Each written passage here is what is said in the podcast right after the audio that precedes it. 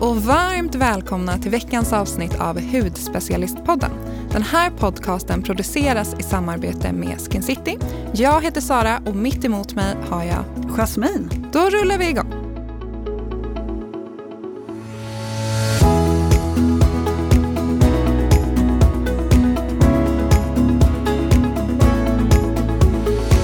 Jasmin, du visade mig några så otroligt gulliga bilder. Vad var det för bilder? Hundvalpar. Nej men alltså jag dör! Ja. Alltså jag är så sugen på att skaffa hund igen. Nu har jag varit utan hund, eller vi har varit utan hund i eh, tre år någonting. Men nu börjar det här suget komma tillbaks. Jag förstår vi det. Vi har ju alltså... katter och vi tycker både om katter och hundar. Men det, det saknas liksom någonting.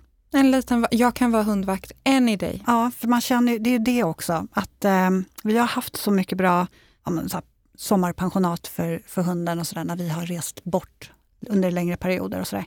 Så att man blir ju lite bunden och man vill ju liksom inte lämna den hur som helst. Eh, och nu har ju de pensionaten klappat igen. Så att jag känner lite så här, mm, hur ska man lösa det? Jag vill men ja. Jag kan ta hand om den. Okej. Okay. Jag lovar. Ja, bra. Älskar hundar. Ja, men du har ju också pratat om hund. Jag vet, men Marcus, min kille, är inte riktigt lika på som jag är. Så det, det blir lite svårt om man är ensam. Liksom. Så att jag tänker att jag är med på ditt, ditt spår. Ja, man får bearbeta lite successivt. Exakt, mm. det är tanken. Idag har vi ju en gäst. Ja, och inte vilken gäst som helst. Nej, vi har faktiskt i studion med oss Andra Farhad som är VD för Börshajen och driver podden Börshajen och har haft finansevent som fyllt både Hovet och Globen. Välkommen! Tack så jättemycket. Och jag vill också säga att jag kan också vara hundvakt. Ja, vad roligt! Perfekt, perfekt. Ja, men då så, då kanske det blir en hund. ja, alla är så på. Men äh, jättekul att du är här. Jätte, jättekul att få vara här. Jag ja. älskar ju hudvård, så att när jag fick frågan så kände jag bara så här, men det är klart. Vad roligt! Gud vad kul! Och vi är ju så intresserade av, av liksom, ditt hudvårdsintresse men även det här med aktier och sparande. För det här är ju ett ämne som jag är liksom, vet ingenting om. Det går lite hand i hand det här med, med ekonomi och hudvård kanske? Ja, ja men lite faktiskt. ja. Men jag tänker vi börjar från början. så här. Hur, hur fick du det här intresset för sparande? Mm. Alltså jag har ju aldrig varit intresserad av att spara pengar. Det har inte varit det som har motiverat mig utan jag har alltid varit intresserad eh, av att hjälpa mina föräldrar. Det var ju så det började. För mina föräldrar kom till Sverige på tidigt 90-tal. Föddes 93. De har alltid haft eget företag, mycket inom restaurangbranschen. Eh, och eh, de har alltid kämpat väldigt mycket. Och de köpte en restaurang när jag var ungefär 6-7 år som gick väldigt, väldigt, väldigt bra. En kolgrillrestaurang i Rissne och eh, jobbade väldigt mycket, typ eh, to minst 12 timmars pass båda två per dag. Och eh, sen sjätte året då, när de hade den här restaurangen, då var det någon så här sotgubbe, eller vad kallar man det? Någon som ska rengöra ventilationerna. Sotgubbe kanske det inte heter. Ja, sotare. ja, men någon som skulle liksom rengöra ventilationen. tappade han en tygbit eller om det var någon trasa som hade börjat brinna under natten. Och då visade det sig då att mina föräldrar hade fel försäkring. Så allt Nej. det de hade fått jobba för i alla dessa år fick de ju lägga på att ja, men, återställa den här restaurangen. Och de levde ju mycket på men, lunchgäster, för det var väldigt många stora företag som satt där omkring. Så att nio månader senare när de väl öppnade upp igen, då hade ju många av de här stora företagen flyttat. Så ett halvår senare gick restaurangen i konkurs. Och eh, där stod mina föräldrar och jag var men, 14 år och hela deras ja, men, liv hade raserat och allt det de hade jobbat för i alla dessa år fick de ju ja, men, ingen utdelning för. Och det här var ju så frustrerande för mig så att mitt mål var ju att göra någonting för att hjälpa dem ur den här situationen. Och eh, det blev ju väldigt mycket konflikter hemma på grund av brist på pengar. Och eh, det var väl eh, vid ett tillfälle som jag kände att jag var så himla frustrerad så att jag kände att jag behöver tjäna pengar. Jag behöver, jag behöver liksom få fram pengar. Men jag visste inte riktigt hur jag skulle göra det. För att i min värld, att tjäna pengar, det kunde man göra på tre sätt. Det var ju antingen att lönespara eller typ vinna på Lotto eller typ råna en bank. Alltså det var ju, det, var ju det man såg ja. på film. Eh, men jag visste ju att jag inte kunde göra något av det där. Så att jag satte mig vid datorn och var jättefrustrerad och bara googlade hur blir jag rik? Och så hamnade jag på Flashback av alla ställen jag kunde hamna på. Och då var det någon som hade skrivit att vill du tjäna pengar ska du köpa aktier. Och det var första gången jag någonsin kom i kontakt med begreppet aktier och börs. Och då var jag 14 år. Mm. Så coolt. Ja, det är faktiskt eh, väldigt häftigt. Så då var du ju fortfarande väldigt ung när du köpte din första aktie. Ja, Ja. för det, det tog ungefär ett år från att jag eh, men hittade aktier och börs till att jag faktiskt gjorde mitt första köp. Så jag var 15 när jag gjorde mitt första köp. Köpte ett bolag inom stålindustrin, hade sparat ihop typ 20 000 totalt eh, från ja, men barnbidrag och pengar man fick när man fyllde år och så. Och eh, gick all in i ett bolag inom stålindustrin. Och du var 15 år? Jag var 15 år och min, Wow. min analys var att om en media skriver om det här bolaget så då är det väl bra. Men det var egentligen en ren chansning och eh, som tur är gick det bra. Den första investeringen eh, gjorde en avkastning på ungefär 30 procent och eh, fick hybris, kände mig odödlig och sen så förlorade jag alla de pengarna. Och då fick jag ju ta eh, ett jobb, ett extra jobb på ett café och börja jobba ihop ett nytt kapital och bara försöka igen. Ja, för jag tänker i den åldern, hur vet man vart man ska börja? Vilken aktie ska man satsa på? Nej men man vet inte. Det var ju rena chansningen. Och jag gick ju med i Unga Aktiesparare och jag försökte ju läsa mycket böcker och eh, engagera mig på olika sätt. Men det var ju väldigt svårt. Jag menar, alltså det finansiella språket är ju inte anpassat för en 15-åring. Man fattar ju inte. Så att det var ju väldigt svårt att få grepp om det här för börsen var väldigt men det var väldigt abstrakt tyckte jag. För att det var en handelsplats men samtidigt så fanns den inte fysiskt utan den fanns där men samtidigt inte. Och, alltså det gick inte riktigt att greppa det här så att det var ju väldigt, väldigt svårt att förstå. Och det tog ju väldigt lång tid innan jag vågade göra min första investering. Ja, men alltså, jag tänker också, hur, hur tar man till sig den informationen om man inte har någon, hade du någon att prata med och bolla med eller Nej. försökte du bara förstå vad tidningarna skrev? Jag tänker i den åldern är man ju, har man mycket fokus på annat också. Mm, ja men verkligen. Eh, jag har ju, eller som tur var gick jag ju med Unga Aktiesparare. Ja, Och då gick jag ju på deras utbildningar, de hade ju mycket så här helgkurser. Eh, och de som var där var ju typ i min ålder. Eh, målgruppen är ju mellan ja, men 13, 14 och 25. Så att det var ju väldigt många som var väldigt unga. Så att eh, utbildningarna hölls ju på en väldigt basic nivå. Jag kände att jag förstod lite mer men det tog ju också tid. Men jag träffade också väldigt många liksinnade människor som tyckte att samma sak var kul. Så att det var ju mycket enklare att prata med dem för jag hade ju inga vänner som sysslade med det här eller föräldrar eller ja, men människor i min omgivning och man lärde sig inte någonting om det här i skolan. Så att det var ju också väldigt svårt att förstå. Och eh, ja, men, saker och ting var inte lika lättillgängliga på nätet. Idag finns det information överallt. Och det finns poddar och Youtube-kanaler och Instagram-konton men det fanns ju inte det då. Nej. Jag tycker också, jag har en son som är 17 och han håller på nu med och köper lite fonder och Mm. investerar lite aktier och sånt där. Han är väldigt intresserad av det. Jag tänker att det känns som att det är mer vanligt nu. Ja, absolut. Det har ju blivit betydligt mer folkligt Mm. idag. Och jag tror att mycket har att göra med att ja, men det är fler och fler människor som vågar prata om det här. I Sverige pratar vi om allt ifrån med våra problem och våra eh, familjeproblem och problem med våra föräldrar, med vårt jobb och eh, problem med, med vårt sexliv och kärleksliv. Men vi pratar inte om våra ekonomiska problem. Det är fortfarande väldigt tabulagt och vi pratar inte om ekonomi överhuvudtaget. Så att det är också väldigt eh, men svårt att hitta förebilder när ingen vill prata om det. Men det har ju blivit mer vanligt nu på senare tid, eh, sista fem, sex åren, att fler och fler människor vågar prata ekonomi. Eh, media skriver mer om ekonomi och det har ju blivit någonting som alla pratar om. Jag har en kompis som tindrar väldigt mycket och han sa det att amen, eh, mina, vad var det, hans typ tio sista dejter har alla tagit upp aktier på ett eller annat sätt. Och det är jätteovanligt. Alltså det, det skulle inte ha hänt för bara tre, fyra år sedan. Men idag pratar alla ekonomi. På Börshajens hemsida kan man läsa om att eh, ni delar mer av er kunskap och du gör det inom sparande och investeringar på era olika plattformar. Podd, webb, sociala medier. Har jag missat något? Nej. Nej.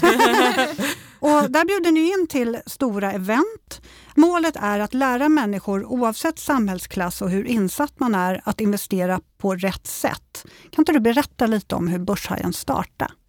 Ja, jag hade ju egentligen inte tänkt att det här skulle bli ett bolag, utan jag jobbade ehm, jag jobbade som säljare efter att jag hoppade av eh, juristprogrammet och han var simlärare ett tag också.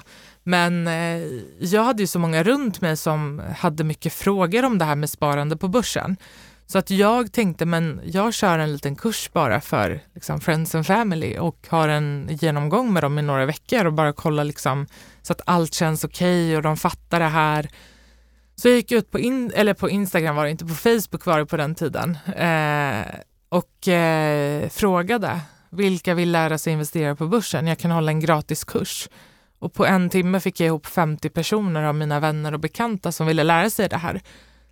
Så att jag eh, körde en kurs och eh, höll den i ungefär åtta veckor, en gång i veckan i två timmar per gång. Och eh, efter de här åtta veckorna så var det helt plötsligt vänners vänner som började höra av sig och började undra, men när kommer nästa kurs igång? Och samtidigt så hade ju jag mitt ja, men, privata intresse för det här och eh, hamnade i en ja, men i ett eh, forum på Facebook med massa män eh, som pratade investeringar och jag ville göra någonting för att fånga deras uppmärksamhet för jag var ju helt utfryst från de här konversationerna. ja. Det var ju väldigt, det var ju en väldigt machokultur och väldigt eh, men, eh, ja, men väldigt macho och väldigt exkluderande.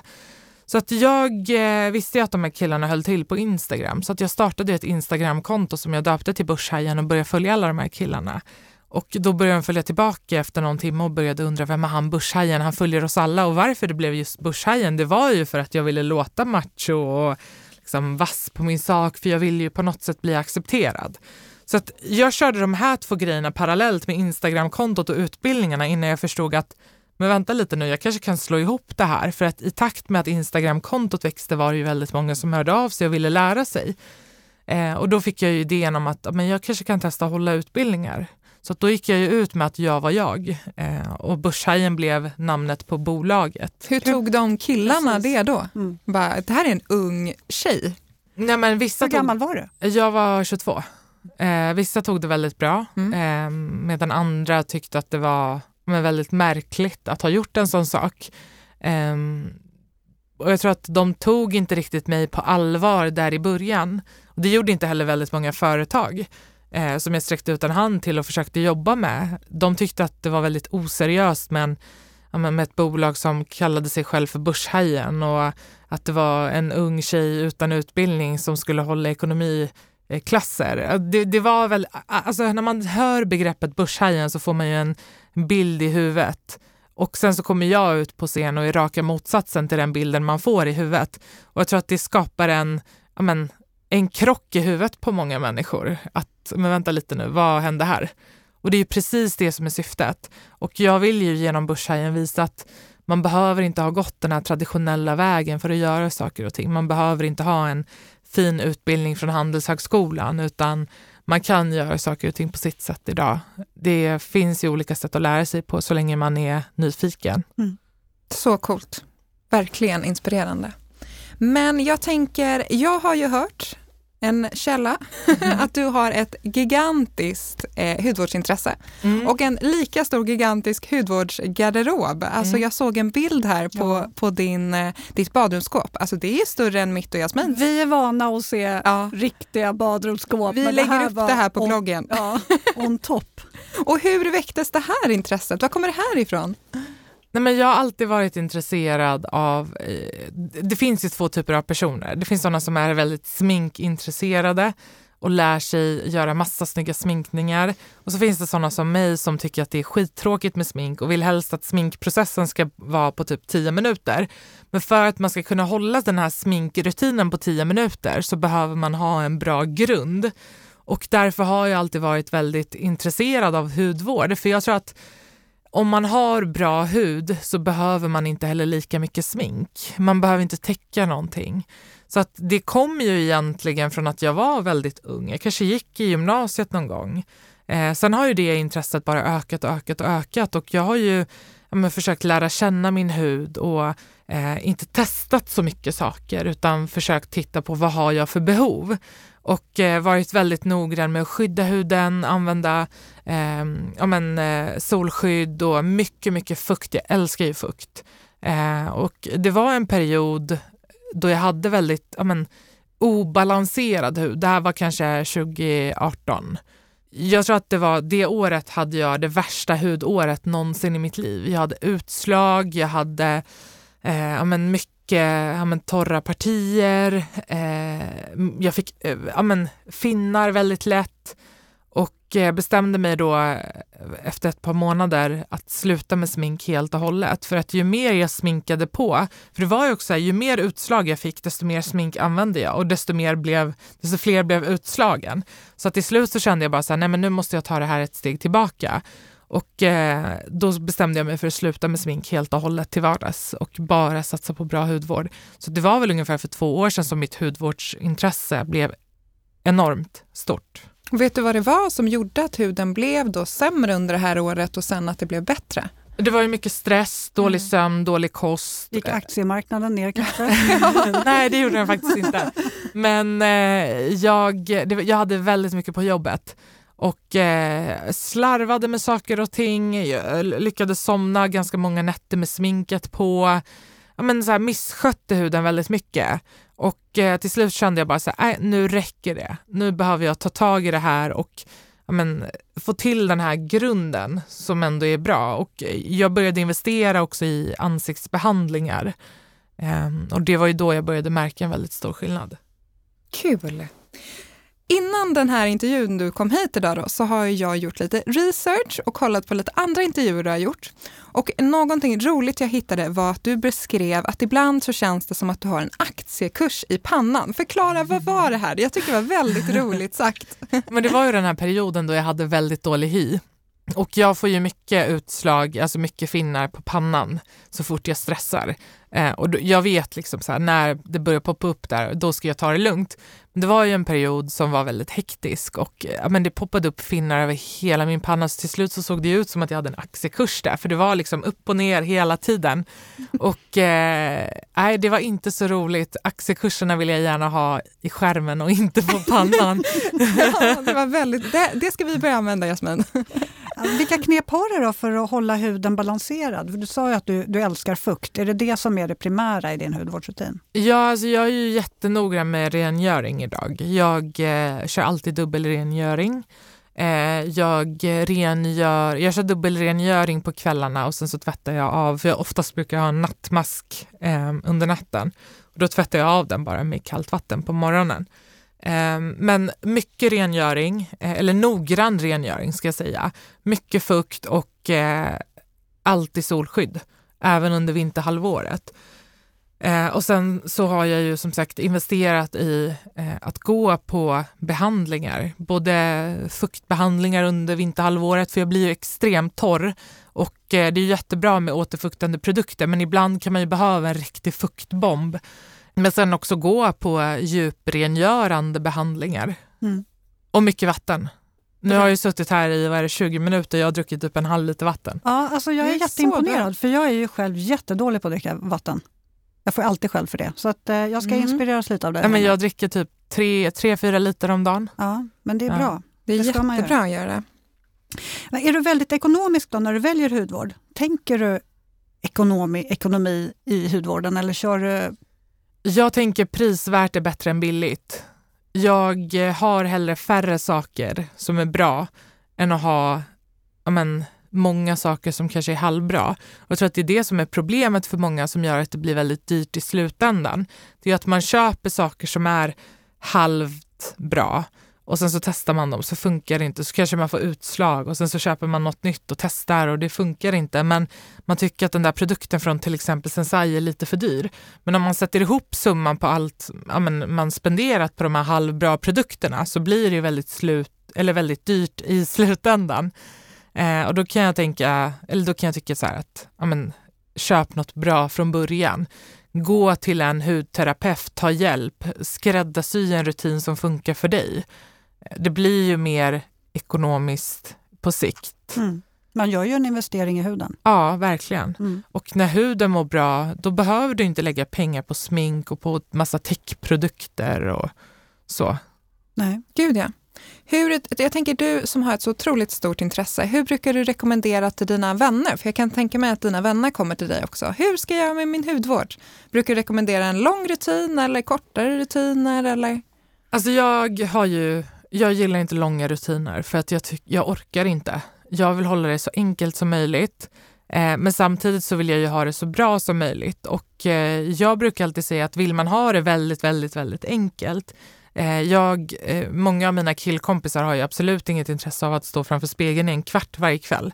Då brukar jag bara säga så här, kör dubbelrengöring, använd bra fukt, alltså någon typ av fuktmask eller men, återfuktande kräm och sen kör solskydd på det. Svårare än så behöver det inte vara.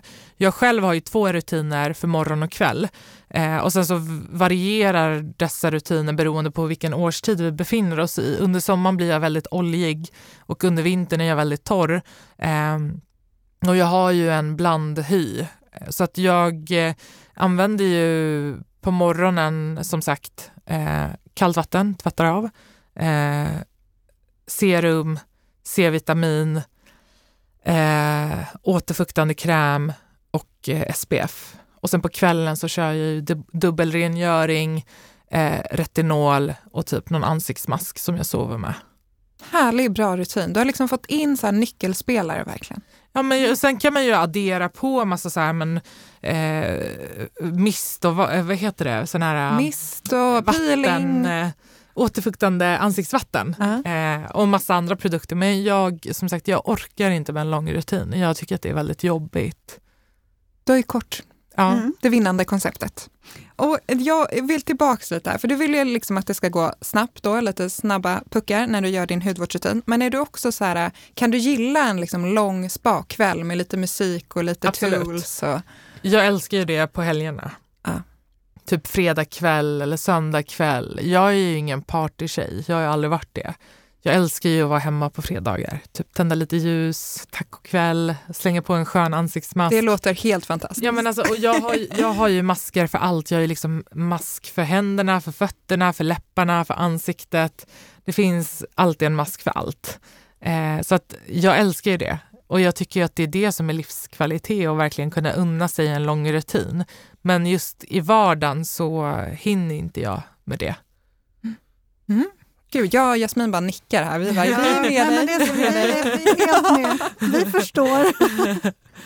Men tre tips då på vad man ska tänka på när man vill köpa, köpa sina första aktier. För nu är jag lite tillbaka på ekonomin här, men, men det, jag tror att det är fler än, än Sara och jag som vill veta. Eh, ja, första tipset är ju, man behöver veta hur mycket tid man kan lägga på det här. Eh, är man sån som men, eh, vill, ha, vill att pengarna ska växa men kanske inte har jättestort intresse för det här, men då ska man inte börja med aktier utan då kanske man börjar med fonder. Och skillnaden på aktier och fonder är ju, jag brukar jämföra det med godis för det är väldigt enkelt att förstå. Fonder är ju gott och blandat påsen, den här färdiga mixen som hänger på hyllan. Medan aktier är godiset i plockhyllan som du plockar ihop själv. Så att har du aldrig plockat ihop någonting själv och, och kanske inte vet hur man gör, då kanske du ska köpa den här färdiga blandningen. Um, och det tar ju inte lika tid för att det du betalar för där, det är ju en expert som gör jobbet åt dig. Så att där får man ju bestämma sig för, vill jag göra det här själv eller vill jag ha någon som gör jobbet åt mig? Så att eh, där får man ju också svar på, men ska jag köpa aktier eller ska jag börja med fonder? Och fonder är ju en väldigt bra början. Mitt andra tips är att eh, bestäm dig för hur länge du kan avvara de här pengarna.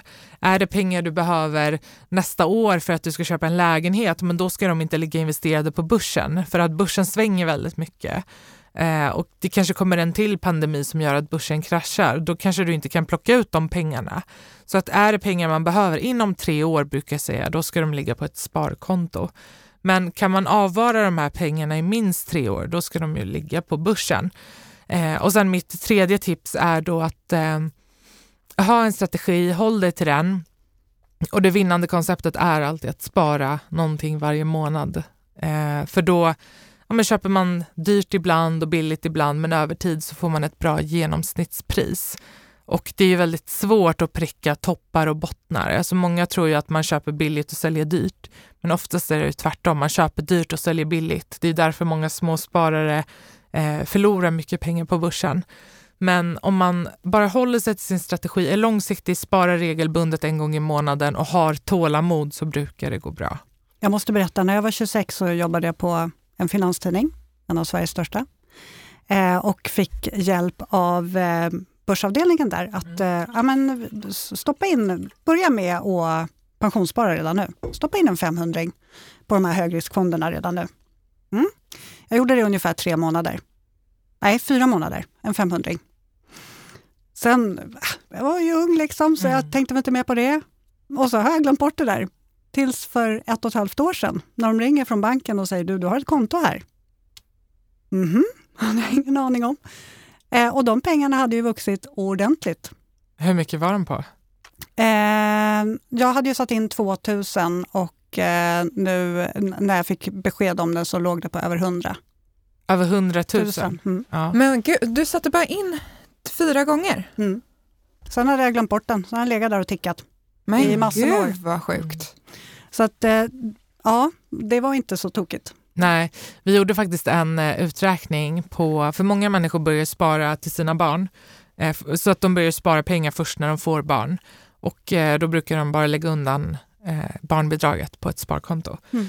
Och då gjorde vi en uträkning där vi tittade på ja, men hur mycket de pengarna skulle bli över tid. Då tittade vi på 1050 kronor som sätts in på ett sparkonto eh, och det skulle bli ungefär, nu minns inte jag exakt, men strax under 300 000 skulle det vara på 18 år.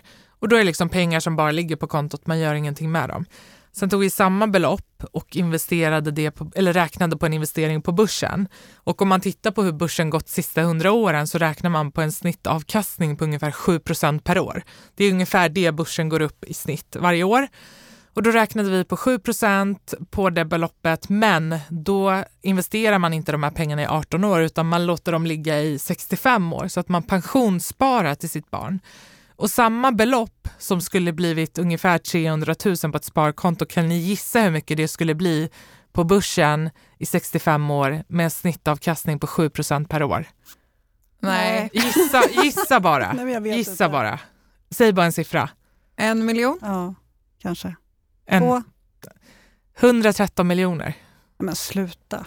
What? Mm. Alltså dina barn kommer att ha så jäkla bra pensionärer. De kommer, alltså, ha så lyx. De kommer ligga där på Mallis och, med en drink i handen och vara väldigt tacksamma. ja. ja. Nu gav du väldigt många ett tips här.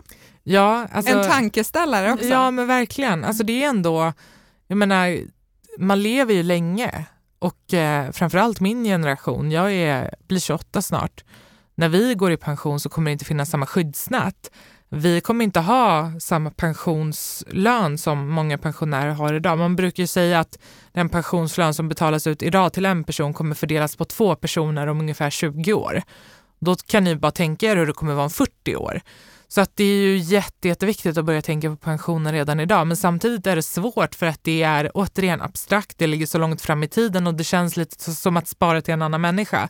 Men jag brukar ju bara tänka på att men du vill ju ha en lön idag, men tänk på att du måste också betala en lön till ditt framtida jag. Så att om man ser det på det sättet så blir det också lite enklare. Verkligen. Alltså mina hundratusen känns jättefuttiga nu. jag, jag tycker måste, du var måste, så duktig. Ja, jag, jag var ja. glad. Det var ju pengar jag inte visste jag hade.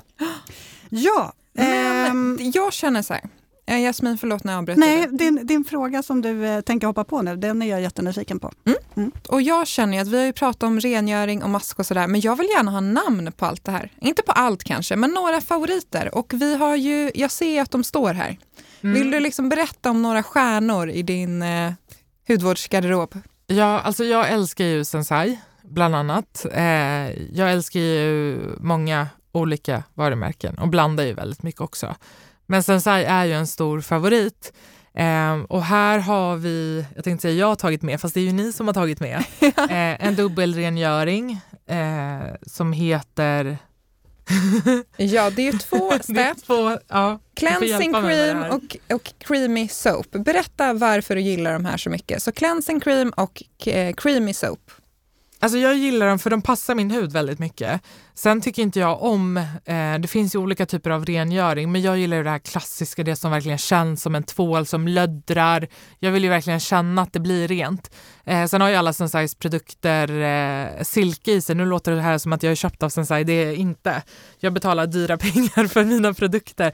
Men eh, de har ju silke i sig och det känns ju av på huden. Alltså när man kör de här två eh, tvålarna, man blir ju verkligen silkeslen i ansiktet.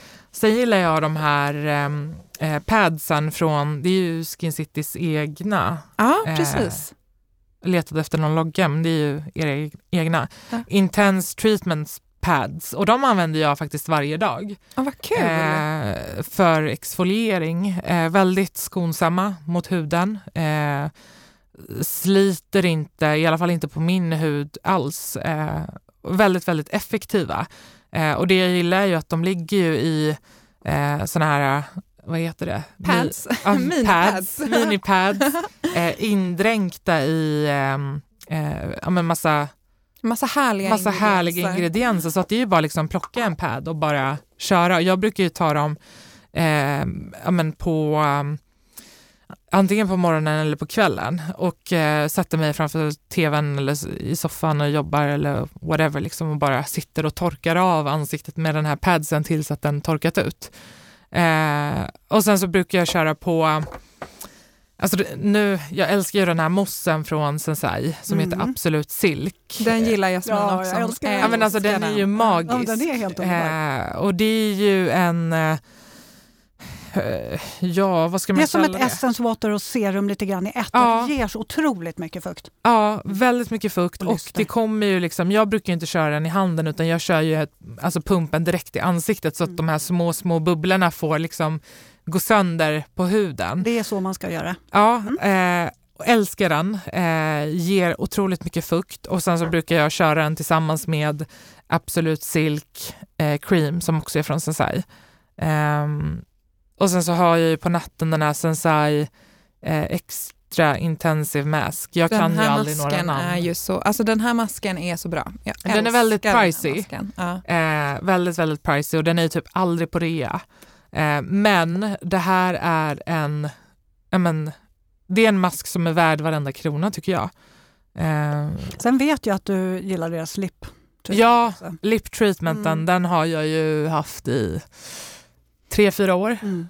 Det är min Eh, favorit också. Ja, Otroligt. den och deras lipgloss. Mm. Sen gillar jag också Medicate väldigt mycket. Jag använder ju Medicates eh, C-vitamin och retinol. Älskar retinolen, tycker den är helt fantastisk. Men sen har jag också faktiskt fått nya favoriter och det är ju ehm, Make the Makes nya flytande eh, Flytande foundation eller blush kanske? blush och Ah. eh, highlighter.